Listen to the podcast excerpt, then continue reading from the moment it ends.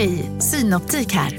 Livet med glasögon ska vara bekymmersfritt. Därför får du 30% på alla glasögon när du väljer Synoptik All Inclusive. All service ingår alltid. Välkommen till Synoptik. Okej hörni, gänget. Vad är vårt motto? Nej, allt är inte alltid som du tror. Nu täcker vårt nät 99,3 procent av Sveriges befolkning baserat på röstteckning och folkbokföringsadress. Ta reda på mer på 3.se eller i din 3-butik. Kurrar det i magen och du behöver få i dig något snabbt?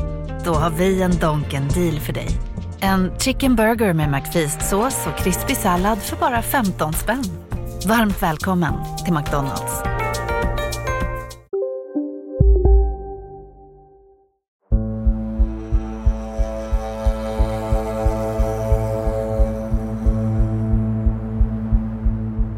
Polisen har hittat spår. Efter att polisens specialsökhundar under torsdagarna letat efter den försvunne 17-åringen i Ljungby så visade två hundar återigen intresse för en plats i lagen. Så under måndagen har dykare från Kustbevakningen dykt i området. De är fast beslutna om att Mattias finns i lagen efter att tre olika specialsökhundar gjort markeringar i samma område. Vi har ju sökt från, från, från det här med, med olika teorier då. Så har vi ju sökt från den punkten där hundarna markerade. Så har vi ju varit både uppströms och nedströms. Med hjälp av den danska oceanograf som hjälpte till att hitta Kim Walls kvarlevor i Östersjön kunde polisen avgränsa ett område i lagan som var av särskilt intresse. Så just när vi har dykt på ett ställe så kan vi säga att då ser det ut på ett visst sätt. Men en kropp kan säkert flytta sig, den skulle kunna komma dit senare. Vi tyckte nog att vi hade sökt så mycket vi kunde liksom. Men på land har privatsökare gjort ett fynd som kommer att skapa stor debatt i den lilla orten. För då vet vi att troligtvis har han varit här uppe och rört sig, eller så har han inte varit här uppe och rört sig. Men det är ju ett bevis på att det är hans strumpa. Men det är också så här när man väl hittar ett, än ett spår, då känns det som att det skulle vara så viktigare än om det hade varit tusen andra spår som hade funnits. Det här är Försvunnen. Fallet Mattias. En podcast av A Rabbit Hole för Nordio.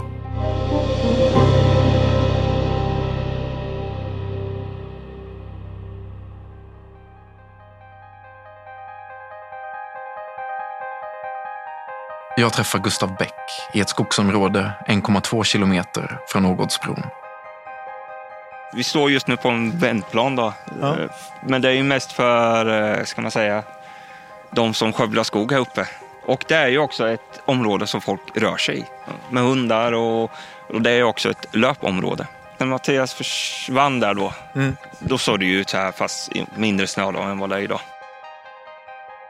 Gustav deltog redan under Missing Peoples första sök.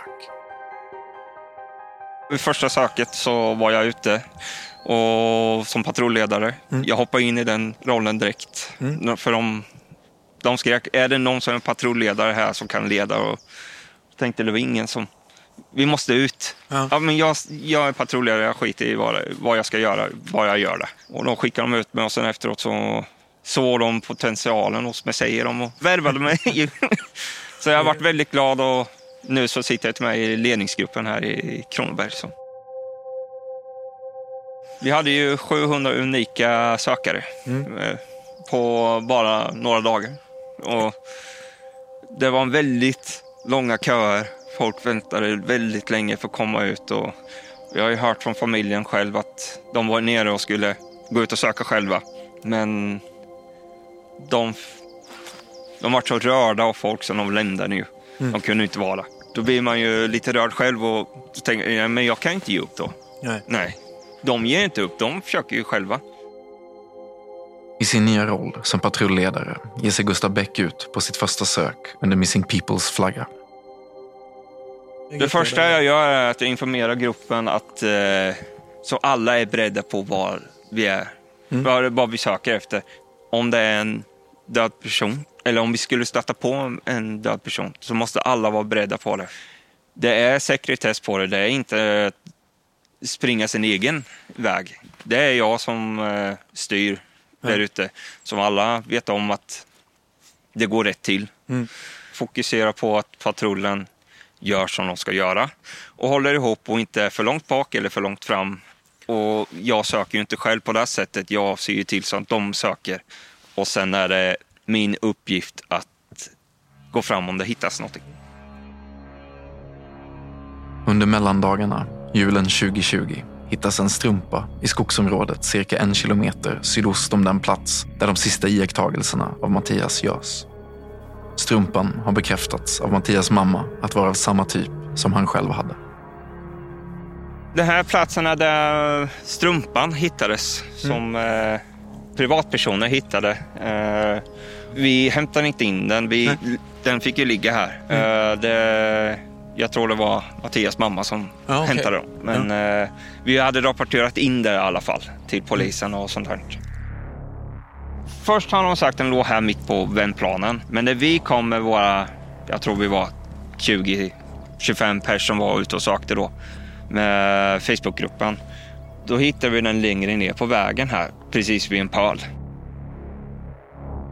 Vändplanen som Gustav beskriver är slutet av en skogsväg i nära anslutning till ett område där det vid försvinnandet, liksom nu, pågår nybyggnation av villor. När han först får tipset om strumpan ska den ha legat i slutet av vändplanen. Men när Gustav Bäck anländer till platsen ligger den cirka 60 meter längre in på vägen i riktning mot nybyggnationen. Vad tänkte du när, ni, när de väl kontaktade dig och berättade att nu har vi hittat en strumpa? Vad gick i tankarna då? Jag vet att jag var ute faktiskt på ett sök då, Ja. när jag fick reda på det. Och eh, jag vart faktiskt väldigt glad när jag hörde det. För då vet vi att troligtvis har han varit här uppe och rört sig, eller så har han inte varit här uppe och rört sig. Men det är ju ett bevis på att det är hans strumpa. Strumpan som hittades i ett skogsområde i Ljungby i december förra året tillhör den försvunne 17-åringen som har varit försvunnen sedan början av december. Mamman till den försvunna 17-åringen från Ljungby har vädjat till polisen att DNA-testa en strumpa som hon tror kan tillhöra hennes försvunna son. Men enligt Aftonbladet så har hon gjort det här utan framgång. När strumpan hittas vädjar Mattias mamma till polisen om att den borde testas efter DNA eftersom strumpan är av samma typ som Mattias använde. Trots sin vädjan får hon inget gehör av polisen. I flera medier uttalar sig polisens presstalesperson i Region Syd, Robert Löffel, att polisen valt att inte analysera strumpan eftersom det inte längre finns någon misstanke om att Mattias försvinnande ska ha varit kopplad till ett brott. Han förklarar i media att en analys av strumpan ändå inte skulle ha påverkat sökarbetet av samma anledning. I samma artiklar poängterar mamman att då strumpan hittades i slutet av december 2020 så var inte utredningen om människorov nedlagd ännu. Men trots det ville polisen inte göra en analys. Vid en närmare observation av skogen kring vändplatsen kom Gustav Beck att hitta andra märkliga spår som i sin tur kom att väcka ännu fler frågor bland privatsökarna. Ska vi se. Och då har vi ju de här. Vad vi reagerar på att det var ju en pil här först. Som Okej. pekar mot den, du ser den här stora stenen som ligger. Ja, vi går in på en liten avsides stig. På den här vägen in här. Okej. Det är ju, följer man den här vägen Ja. så kommer man ner till ett bostadsområde. Därför vi misstänker att det är väldigt mycket folk som rör sig uppe. Och det har vi ju sett sedan dess att det är folk som är ute och går med sin hund eller ute och springer här. Och det låg ju här lite längre fram. Då var det en pil som pekade först neråt. Så kom man hit. Då såg man ett ansikte någon Mhm. hade ritat. En Det var smile. mitt på stigen liksom. Ja, Mm. en smiley med överkryssade ögon. Så pekar den mot stenen. Och då tänkte jag, om vi följer pilen då. Då hittar vi mer och mer pilar och sen eh, som någon har ristat i Så det var marken. flera stycken alltså? Ja, och sen ansikten. Ansiktena som Gustav Beck beskriver fotades av en privatperson och spreds i media. Utifrån bilderna går det att se ansikten ristade i marken i konturen av emojis med en ledsen min och två kryss som ögon. I anslutning till ansiktena fanns även pilar ristade i marken som pekade i olika riktningar. Och när jag stod här tänkte jag, men jag har ju lärt mig, ska, försvinner man om man ska lämna platsen och ska man markera med pinnar eller stenar åt vilket håll man har rört sig åt. Och då tänkte jag, ha, vet Mattias det här så är det han? Då följde jag pilarna in. Ju mer jag gick in i skogen här mm. så hittade jag en... För mig uppfattade jag det som en pil som pekade åt Vislandavägen. Okej. Okay. Alltså, och den ligger här nere någonstans? Ja, den ligger ju, man följer den väldigt långt bort också. Och då gick jag mot den pilen, följde den pilen, men sen hittade jag inga mer pilar. Där rapporterade vi in, det var ju fyra stycken som stod och pratade. Vad fan ska vi göra? Ska vi fortsätta eller ska vi låta dem gå? Eller? Ja. Så vi fortsätter en liten bit in här och sen eh, avslutade vi faktiskt. Efter polisens uttalande om att inte vilja DNA-testa strumpan så tar Mattias mamma saken i egna händer och bekostar en DNA-analys själv med hjälp av genetikern Marie Allen vid Uppsala universitet. Hon är professor i rättsmedicin vid Uppsala universitet och även programansvarig för universitetets masterutbildning i forensisk vetenskap. Vi träffas på hennes kontor på Biomedicinskt centrum i Uppsala för att jag bättre ska förstå resultaten hon fick vid DNA-analysen. Rättsgenetik är ju en del av forensisk vetenskap och forensisk vetenskap handlar om hur eh, man kan använda forskning för att hjälpa rättssystemet eh, med vetenskapliga bevis oftast, forensiska bevis. Och då kan det handla både om DNA-analyser, fingeravtryck, skospår, eh, toxikologiska analyser eller analyser av gifter. Ehm, så det är väldigt brett så, men mitt specialområde handlar om genetik och DNA-analyser inom kriminalteknik. Mariellen förklarar att i huvudsak så jobbar hon på uppdrag av polisen. Då används hennes expertis för DNA-analys och liknande. Men det händer även att privatpersoner kontaktar henne, som i fallet om Mattias försvinnande. I det här fallet det handlade om en tvillinganalys och just då så jobbade vi med forskning kring tvillingar och framförallt hur man kan särskilja tvillingar. Nu var inte det frågan här, men vi hade ett specialintresse mm -hmm. eh, där och då om just tvillinganalyser. Vi fortsätter att jobba med tvillingar eh, än idag, men då var det en väldigt aktiv del av vår forskning att titta på tvillingar. Eh, minns du ungefär vad det var man ville veta från dig när man skickade in den här strumpan?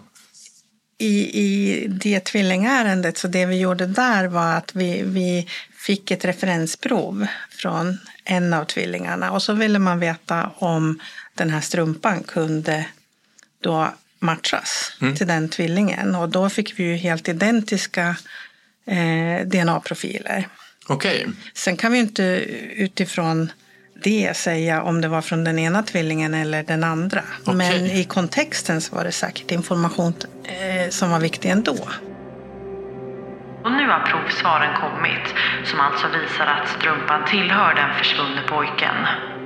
Detta enligt mamman som har fått strumpan DNA-testad på eget initiativ efter att ha fått beskedet från polisen att de inte valt att testa den. Men det här förändrar inte hur polisen arbetar med fallet, säger Robert Löffel som är presstalesperson i polisregion Syd.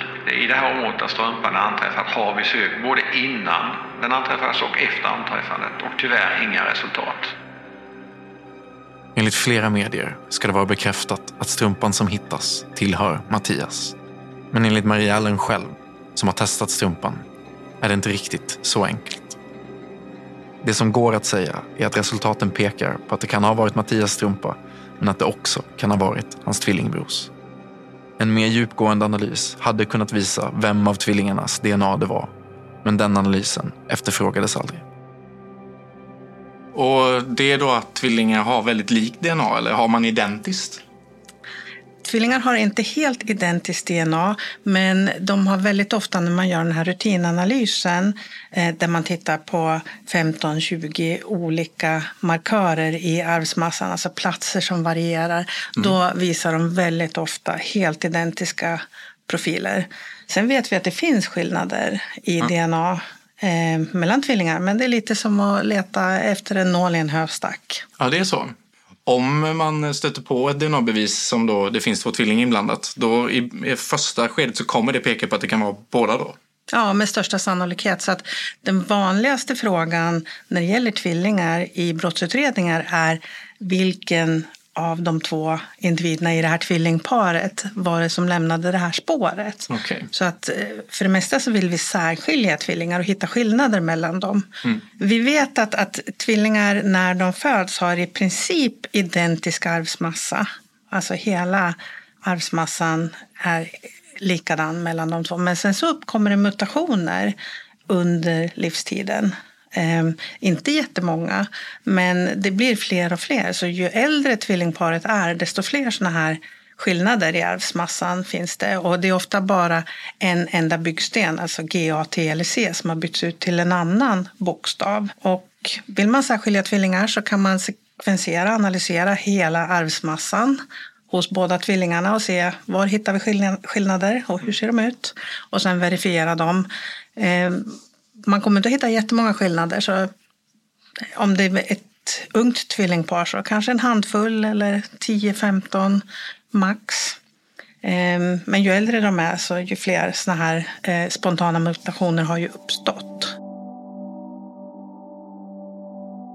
Det gick alltså inte att eh, utesluta att den tillhörde någon annan? Eller gick det att utesluta att det kan enbart komma från de här två tvillingarna?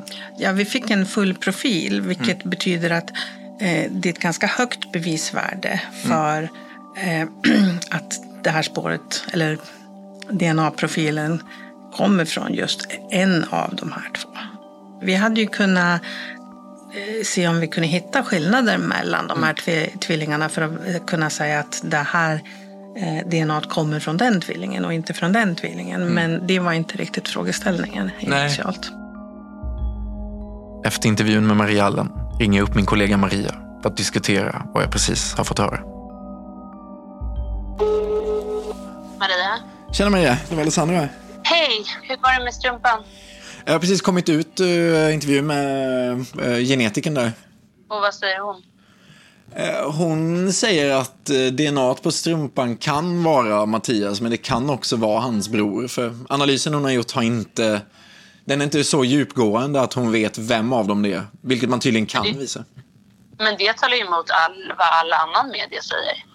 Ja, exakt. Så det känns som att det typ mer har blivit en mediasanning. Att man har skrivit att det är det för att enligt henne så nej, men hon vet inte vems av dem det är. Bara att det är någon. Så en efterkonstruktion egentligen som inte är helt sann? Nej, men exakt. Oavsett om DNA tillhör Mattias eller hans tvillingbror så är det fortfarande märkligt att en strumpa av samma typ som Mattias brukade ha, med vad som kan vara hans DNA på, hittas mitt ute i skogen på en plats som aldrig varit intressant för utredningen. Gustav Bäck igen. Följer du den här vägen så kommer, så kommer du, ner dit. Och likadant om du följer den här vägen så kommer du ner till. Så det är liksom ingen... Eh, när man väl hittade stumparna så kändes det inte som att det var omöjligt liksom, att han Nej. skulle kunna ha tagit sig Nej. hit? Nej. Det tycker inte jag i alla fall. Det är, det är ju massor med folk som är här uppe och det här kan du röra dig. Ja. Och att det ser ut så här nu, även fast det är sommar så är det ju här väldigt mjukt. Ja, det är så? Det mossa och alltihop. Men sen åt det hållet är det ju ännu värre. Där okay. är det väldigt eh, snårigt och sånt. Men det är just den här biten som... Det är ju väldigt många som var här uppe. Ja. Mm. Just den här biten, känner man sig klar med den eller? Eh, jag känner mig inte klar med den det var ju ett område som var väldigt intressant just då. Hur många sök har du varit med på här i just efter Mattias? Som på huvudet kanske nog 45 sök eller någonting. Och det var nog kanske mer vi har gjort. Och jag har gjort egna privata sök. Jag körde ju slut på mig efter ett år. Min familj vart ju också... De eh, klagade väldigt mycket där hemma att jag var ute varje helg. Och det var inte bara en timme. Vi kunde vara ute i fem, sex timmar och kom hem och var jättetrött. Och... Men sen efter ett år så kände jag, nej men jag måste trappa ner själv faktiskt. Men jag kommer ja, inte upp. Det är väldigt många som vet vem, vem jag är nu då. Mm. För jag har figurerat mycket i media och alltihop. Och jag får in tips. Och då tänker jag, då går jag ut själv först och tittar upp om det är någonting som kan vara troligt mm. eller ej. Så det är väldigt mycket sånt. Så jag är... Ja, ja, men så du får ändå lite tips fortfarande? Ja, det får jag. Men en del tips är det ju också. Hur troligt kan det vara? jo. De inristade ansiktena får aldrig någon förklaring. Var det ett pojkstreck eller vad är det ett spår? Mm. Eh, då känner man så här, är det någon som varit uppe och jävlats? Ja. Det är ju jävligt dumt. Det förstör vårt arbete, man blir frustrerad. Men man vill ju veta det då. Säg, kom ut med det, det var vi. För Mattias vänner och anhöriga sticker strumpan fortfarande i ögonen. Och man undrar om en polisiär analys hade kunnat ge något nytt spår eller andra tankar kring försvinnandet. Vännen Nelly berättar. Alltså jag har ju varit väldigt... Alltså vi var väl alla lite frustrerade över att det inte var att någon sökte på den snabbare. Att man inte tog in den på analys snabbare än vad man gjorde. Sen förstår man ju att det finns mycket annat som man måste följa. Men, Men- det är också så här när man väl hittar ett, en, ett spår. Då Mm. känns det som att det skulle vara så viktigare än om det hade varit tusen andra spår som hade funnits. Eh, Men det här området där den hittas, det är ju typ vid Klotvägen och det där. Ja. Finns det liksom någon anledning att Mattias skulle varit där borta i de delarna? Det var ju en film som fanns på honom, eller finns tror Mm. jag kanske också. Exakt, när han springer vid smalspåret. Ja. Och han ska ha ryckt, det är också en massa teorier alltså som har hörts att han har ryckt i, i garageportar och knackat på dörrar och sånt där. Och jag kan väl typ själv känna också så här, ser man en person som är skräckslagen och verkligen har panik, för det såg ut som att han hade panik i de här videorna och vad man har fått förklarat för sig. Ehm, då hade man väl agerat, tänker man ju själv. Men sen vet man ju inte den situationen hur det hade varit heller. Men att den ligger, att just en strumpa så där, alltså jag fattar inte det heller. Det är också som att den bara har, kanske så att han har sprungit barfota eller utan strumpskor. Ja. Och att den har åkt av i farten och att han inte har hunnit tänka på att den flög av liksom. Alltså även fast det ligger nära så är det ändå en bit att ta sig. Eh, och särskilt i den kylan och Ja, det är jättekonstigt också. Alltså verkligen. Och det var ju många teorier som togs att någon har lagt den där för att villa bort med spår och grejer. Ja. Men eh, det är så konstigt alltihop att man blir helt, eh, man får ju ont i huvudet av att bara så här försöka tänka massa scenarion men ja, jag vet inte. Det var det är väldigt skumt att den ligger där. Mm. Eller att den var där. Och också att man inte har så hittat några andra spår eller tecken eller inte ens någon har, om han nu har blivit bortförd i ett annat land. Man vet ju inte det heller. Ja. Är det lite det man har trott i kompisgänget eller att han skulle blivit kidnappad i så fall? Men jag vet att det var mycket så här att man inte förstod varför man bara fokuserade på ån, även fast den ligger nära. För det kunde man absolut göra och det förstår man ju också att om man ska hitta han levande så är det ju minst sannolikhet i ån och då måste man ta det först. Mm. Men det är också så här, på den tiden så kan man transportera en människa väldigt långt. Mm. Jättelångt. Innan det hinner till tullen och allting liksom. Nu på Storytel. Försvarsadvokaten Lydia Levander får chansen att lösa sitt största fall genom att försvara en misstänkt mördare. Hur långt är hon och kollegorna på advokatbyrån Pegasus beredda att gå? Fallet Mikaela. En ny deckare från succéförfattaren Anna Bågstam. Lyssna nu på Storytel. Hej, Susanne Axel här. När du gör som jag och listar dig på en av Krys vårdcentraler får du en fast läkarkontakt som kan din sjukdomshistoria. Du får träffa erfarna specialister, tillgång till lättakuten och så kan du chatta med vårdpersonalen. Så gör ditt viktigaste val idag, listar dig hos Kry. Big Mac har miljarder fans över hela världen. Under mer än 50 år har den skapat popkulturell historia. En legend med 100% nötkött och den mytomspunna såsen. Nu finns Big Mac för bara 39 kronor på McDonalds.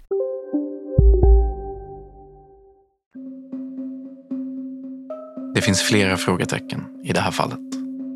I tidigare avsnitt begav jag mig själv ut i Mattias fotspår kring samma tider som han själv var ute natten till den 5 december.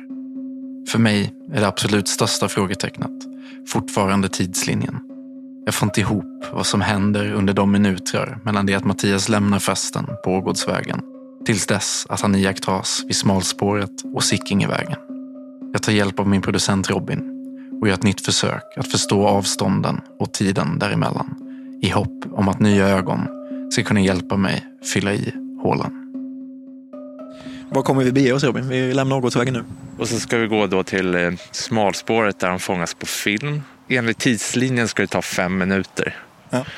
Och det är väl ganska rimligt när man bara står här så ser man ju direkt över till smalspåret. Ja, men precis. Det borde ta den tiden, ja. Ja, Ska vi börjar-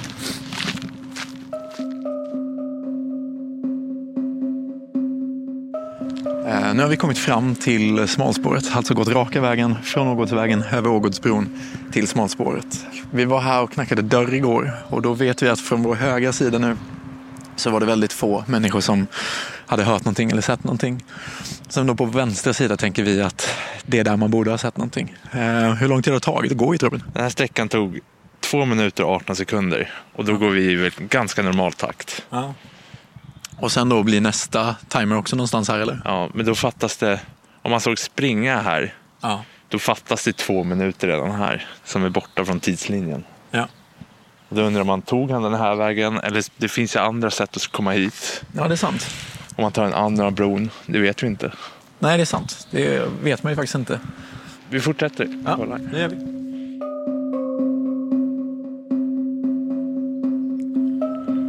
Nu befinner jag och Robin mig vid eh, korsningen Pålsvägen, Sickingevägen. Ehm, och Robin, hur lång tid har det tagit för oss? Det har tagit 7 minuter och 28 sekunder. Då har vi besökt alla platser han har varit på. Och då diffar det. Han, första gången han syns är 01.20, sista är 01.54. Diffar ungefär 30 minuter. Ja. Så någonstans har han ju varit under tiden. Ja. Men det är frågan var i så fall. Ja, det finns ju inte så många ställen. Det är väl områdena här runt omkring men det är ingen som har sagt någonting om att de har sett honom. Min och Robins rekonstruktion av Mattias rörelse strax innan hans försvinnande kommer att fortsätta i ett senare avsnitt. En annan person som under flera år sökt svar på vad som hände Mattias natten till den 5 december är dykaren Henrik Sandqvist.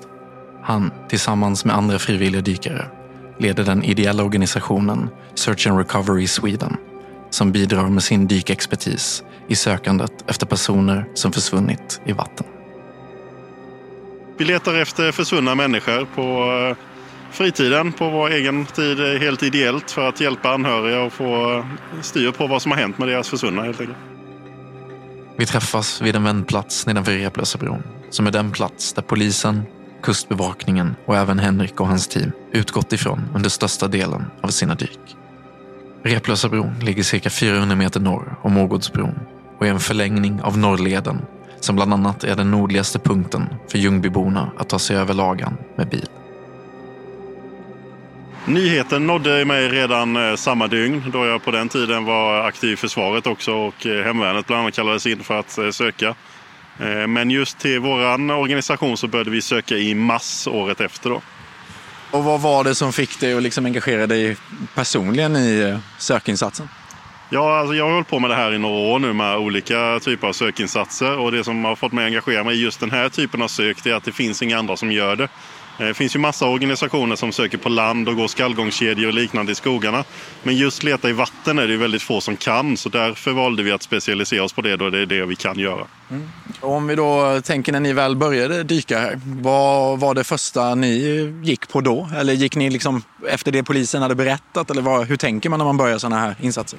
Eh, hundarna har ju markerat då eh, sporadiskt från 25an och ner till cirka då eh, Kröken igen för Replösabron här. Okej. Så det är väl en 200 meter längre söderut då. Eh, men på grund av att strömmarna och vindriktning och sådana grejer så eh, får man ju då anse att eh, markeringarna ligger ju längre uppströms innan partiklar och så bryter vattenytan. Så så tar det en stund med tanke på djup och strömmar och grejer. Så därför koncentrerade vi den första sökningen då runt just Replösa bron för att det var där som var mest troligt och att man skulle gått och ramlat i om det var så att man hade hamnat i vattnet. Men okej, så de markeringarna var här uppe och då tänkte man liksom härifrån och neråt om man tänker härifrån? Eller? Ja, precis. Eh, Så vi började ju våra sökningar ungefär 25 meter norr om bron och sen ner då till Kröken där de sista hundmarkeringarna var då. Ja. För att söka av hela området som var innanför markeringarna som fanns då på den tidpunkten. Cirka 100 meter söder om Replösabron buktar en landmassa ut på Lagans östra sida.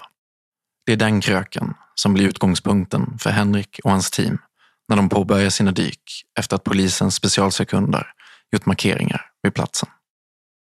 Idag är det väldigt strömt eh, om man tittar ut vid bropelaren. Det rör på sig rätt mycket. Ja. Eh, vilket gör att man får simma väldigt mycket motströms hela tiden. Vilket gör att man blir snabbt trött och man gör med mycket luft. Mm. Eh, så det är ju såklart en stor nackdel. Och vilket gör också då att partiklarna i vattnet flyttar ju på sig väldigt fort. Okay. Och det gör ju att det är svårare att räkna ut var doftpartiklarna kommer ifrån. Och även när man är där nere så är det svårt att räkna ut vad som händer. Eh, problemet vi har är också att vi har olika strömmar i ån. Du har en ström på botten. Du har en ungefär på 4-5 meters djup. Och sen har du en ström ungefär en halv meter under ytan. Och sen har du en ytström.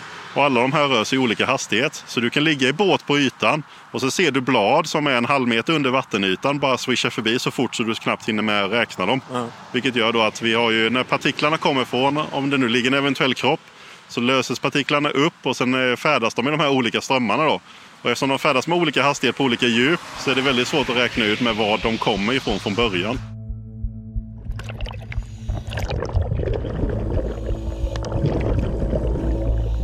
På Youtube kan man följa Search and Recovery Swedens arbete i lagan. Deras videoupptagningar från ån visar den dåliga sikten som de har att jobba med. Trots starka lampor och bra kameror kan dykarna i bästa fall se cirka 30 centimeter framför sig. I vattnet är det mörkt och stundtals kan man se konturer av större föremål som ligger stadigt på lagans botten. Det är väldigt grumligt, det är väldigt mörkt, det rör på sig hela tiden. Så fort man har stoppat handen i botten för att känna på någonting så, så blir det som en dimma. Så att eh, det blir kolsvart. Så man får ju, oftast får man helt enkelt bara känna sig fram hela tiden. Mm. Eh, och sen har vi ju massa kraftverk i lagan som gör att när de öppnar och stängs hela tiden så ändras i bottenförhållandena. Vilket gör att dyn flyttar på sig. Så från ena dagen till den andra så kan det vara helt täckt av dy.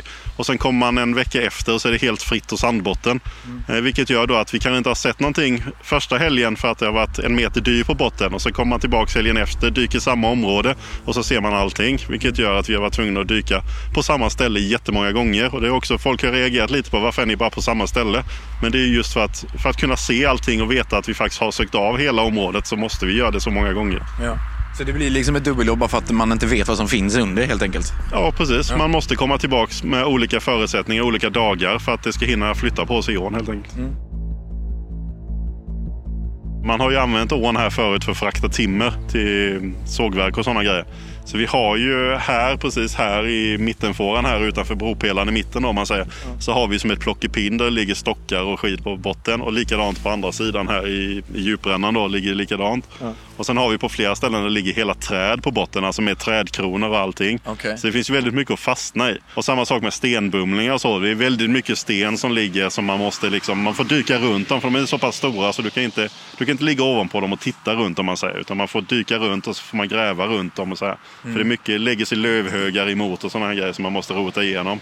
Och samma sak med de här träden med trädkronor och sånt. Man måste in och känna och se och allting så här. För att skulle nu en människa hamna i vattnet, man sjunker ju till att börja med. Ja. Har man då färdats med strömmen en bit så kan man ju glida in i en sån här trädkrona eller under stenar och sånt här. För vi har ju vissa stenar, det är som grottor under. Eh, för de är så pass stora då. Och då blir det ju att man måste ner och titta och känna under varenda grej. Ja, och det ni ju... gör det ändå? Alltså in... För jag menar det är väl en risk för er med att liksom gå in och gräva under en Ja, så är det ju. Men eh, man, någon måste ju göra det. Så. Och sen använder vi undervattensroboten så mycket vi kan då. Eh, den, den är ju samtidigt som ni? Ja, det händer det också. Eh, ofta så försöker vi alltid vara på plats åtminstone när den är i vattnet. För det att, eh, den har ju en lina upp till fjärrkontrollen för att man ska kunna styra den och få bild och sånt där. Och den linan fastnar ju ibland. Mm. Då får man ner och följa linan så får man ta loss roboten och så får den eh, fortsätta jobba. Liksom. Förutom den dåliga sikten och en dy i botten så är det andra föremål som ställer till det för dykarna. Hela träd med intakta trädkronor och stora stenbumlingar som bildar undervattensgrottor försvårar dykarnas arbete eftersom det inte är tillräckligt säkert för dem att ta sig in emellan och under bråtet på lagans botten. Vi har ju bara täckt i kröken som är här nere då. Okay. Eh, eftersom det, hundarna har inte markerat efter kröken. Vilket Nej. betyder att då kommer det inte upp några partiklar senare. Okay. Eh, så därför har vi dragit den slutsatsen då att det kan inte ligga något mänskligt efter kröken på grund av att markerar inte hundarna längre nedströms så kommer det inte upp fler partiklar och då måste det vara längre uppström som man säger. Ja. Men hela det här området då från eh, Replösabron och nu en bra bit längre norrut då, för vi har ju ökat och utökat sökområdet. Så har vi sökt hela området flera gånger. För vi delade ju upp området vid Replösa i 37 rutor. Och de 37 rutorna är sökta i flera omgångar. Vad är det man vill hitta om man säger? Självklart fattar jag att det ultimata målet är att hitta personen man vill söka efter. Men annars, vad kan man annars hitta? Nej, men alltså det är ju om man hittar något objekt som kan härledas till personen. Nu vet vi ju vad han hade för kläder, vi vet vad han hade på sig när han försvann eh, och vi vet vad han inte hade och sådana här grejer. Så att man försöker hela tiden att vad hittar man ett tygstycke som skulle kunna vara eller man hittar då eh, till exempel om det nu skulle vara en saknad sko eller en foppatoffel eller någonting. Alltså man hittar någonting som kan härledas till personen eller någon i personens omgivning. För det kan ju också vara så att personen har tagit fel helt enkelt. Ja. Han kanske inte hade sina egna skor, han kanske hade kompisens skor men ingen har saknat de här för det var ett par gamla skor. Mm. Men hittar man då någonting som en kompis eller en nära anhörig kan säga men de där känner jag igen, de har jag sett förut. Mm. Då kan man också härleda till att det kanske är här, vi kanske är på rätt område. Men det ultimata fyndet är ju såklart att hitta personen i fråga. Eh, Jag förstår ju så här med polisen så har de ju förundersökningssekretess och sånt. Men har de ändå varit behjälpliga så mycket de kan mot det och liksom... Nej, ingenting överhuvudtaget. Är det så? Eh, Vi får ingen assistans och ingen hjälp av polisen. Och, eh, polisen har varit här några gånger när vi har varit här och så. Han som är vad heter, lokalpolis här i Ljungby. Och han har väl försökt att liksom hjälpa oss lite så gott han kan med de premisser han har. Men från högre upp så är det ju tvärnej. Alltså vi får inte någon assistans överhuvudtaget. Vi får inte lov att läsa någonting eller vad de har gjort. Vi får inte ens veta vad de har varit med sina dykare. Okej. Så, så vi har ju fått börja om helt från början varje gång. Liksom. Ja. Eh, du säger ju själv att ni brukar vara ute. Är det ofta så här att de inte vill ge någonting? Eller är det speciellt i detta? Nej, det är nästan alltid likadant. Eh, eftersom vi är eh, privatpersoner, civila och inte tillhör någon eh, statlig myndighet eller så, så får vi oftast ingen hjälp av eh, varken polis eller andra myndigheter utan vi får helt enkelt köra vårt eget vid sidan av. Sen försöker vi att vara närheten, alltså har Kustbevakningen varit här, polisen varit här, då står vi här på bron och tittar. Mm. För det är ju den information vi kan göra, då kan vi se ungefär var de är för någonstans i alla fall. Eftersom de inte delar med sig av några uppgifter så får vi helt enkelt titta själva och försöka göra egen efterforskning. Ja. Det är ju mitt i natten han försvinner och vi är ju vid det här området där han syns sista gången. Sen är det ju typ någonstans här som de, inte, som de tappar spåret. Liksom. Ja, och de tappar ju spåret upp mot 25 Ja. Och då är det ju det är de här två broarna då som är, och eftersom hundspåren från början har varit vid den här replösa bron så har det varit här man har lagt resurserna från början. Men när vi inte hittar någonting här då har vi valt nu då att flytta resurserna och dela upp nästa rutnät som är då uppe vid 25an. Och sen när vi är färdiga med de rutorna vid 25an, jag tror det blev 28 rutor där uppe för området är lite mindre. Så blir det ju då området mellan 25an och Replösa bron då som får delas upp i nästa rutnät. För då har vi ju ån, det här 300 meter av å däremellan då. Som, eh, som också behöver sökas av så vi är säkra på att det inte ligger någonting där. Ja. 25an är lokalt slang för riksväg 25 som går genom Ljungby och sträcker sig 238 kilometer från Halmstad i väst till Kalmar i öst. Genomgående för sökandet i och kring lagan är att privatpersoner sluter upp med olika kompetenser men med ett och samma mål, att hitta Mattias. En stor hjälp för Henrik och hans team har varit Fredrik Estberg som med sin undervattensdrönare har kunnat söka av lagan efter intressanta platser att dyka på. Eh, Först var ju när man, eh, när man hörde helikoptrarna började leta efter honom eh, dagen efter egentligen när han försvunnit så kändes det lite i, i hjärtat liksom. För man har själv barn i, i stort sett samma ålder. Min dotter är ett år yngre än Mattias. Så, så då eh, kände jag att det hade varit kul att kunna hjälpa till på något sätt. Och då hade jag precis börjat intressera mig för undervattensdrönare och sånt. Okej. Och såg att eh, genom tidningar och sånt att eh, det hade använts lite sånt här vid i initialt skede. Då. Mm. Så då tänkte jag att eh, ja, men då kan jag ju ge mig ut och, och hjälpa till och söka i den mån jag kan. Och det var där det startade egentligen. Efter flera dyk av polisen, Kustbevakningen och Search and Recovery Sweden börjar sökandet kännas hopplöst. Trots övertygelsen om att Mattias ska ha hamnat i lagan så hittar man inga spår som kan bekräfta den. Men plötsligt, efter en dag med sin undervattensdrönare, hittar Fredrik Estberg något i sin drönarinspelning som fångar polisens intresse och som påkallar en ny, blixtinkallad dykinsats. Det var ju egentligen på våren där vid efter försvinnandet som, eh, som vi började hitta lite intressanta saker. Och det var ju precis nedanför bron här, kanske 5-6 meter. Så eh, såg jag någonting som kunde se ut som ett byxben och eh, att man såg knät eh, så. Eh, och när polisen fick se det så då beslutade de att det skulle dykas dagen efter. Du har lyssnat på Försvunnen, fallet Mattias. En podcast av A Rabbit Hole för Nordio. Jag heter Alessandro Nilsson. Producent Robin Johansson. Exekutiv producent A Rabbit Hole Maria Thulin. Exekutiv producent Nordio Mark Malmström Fast.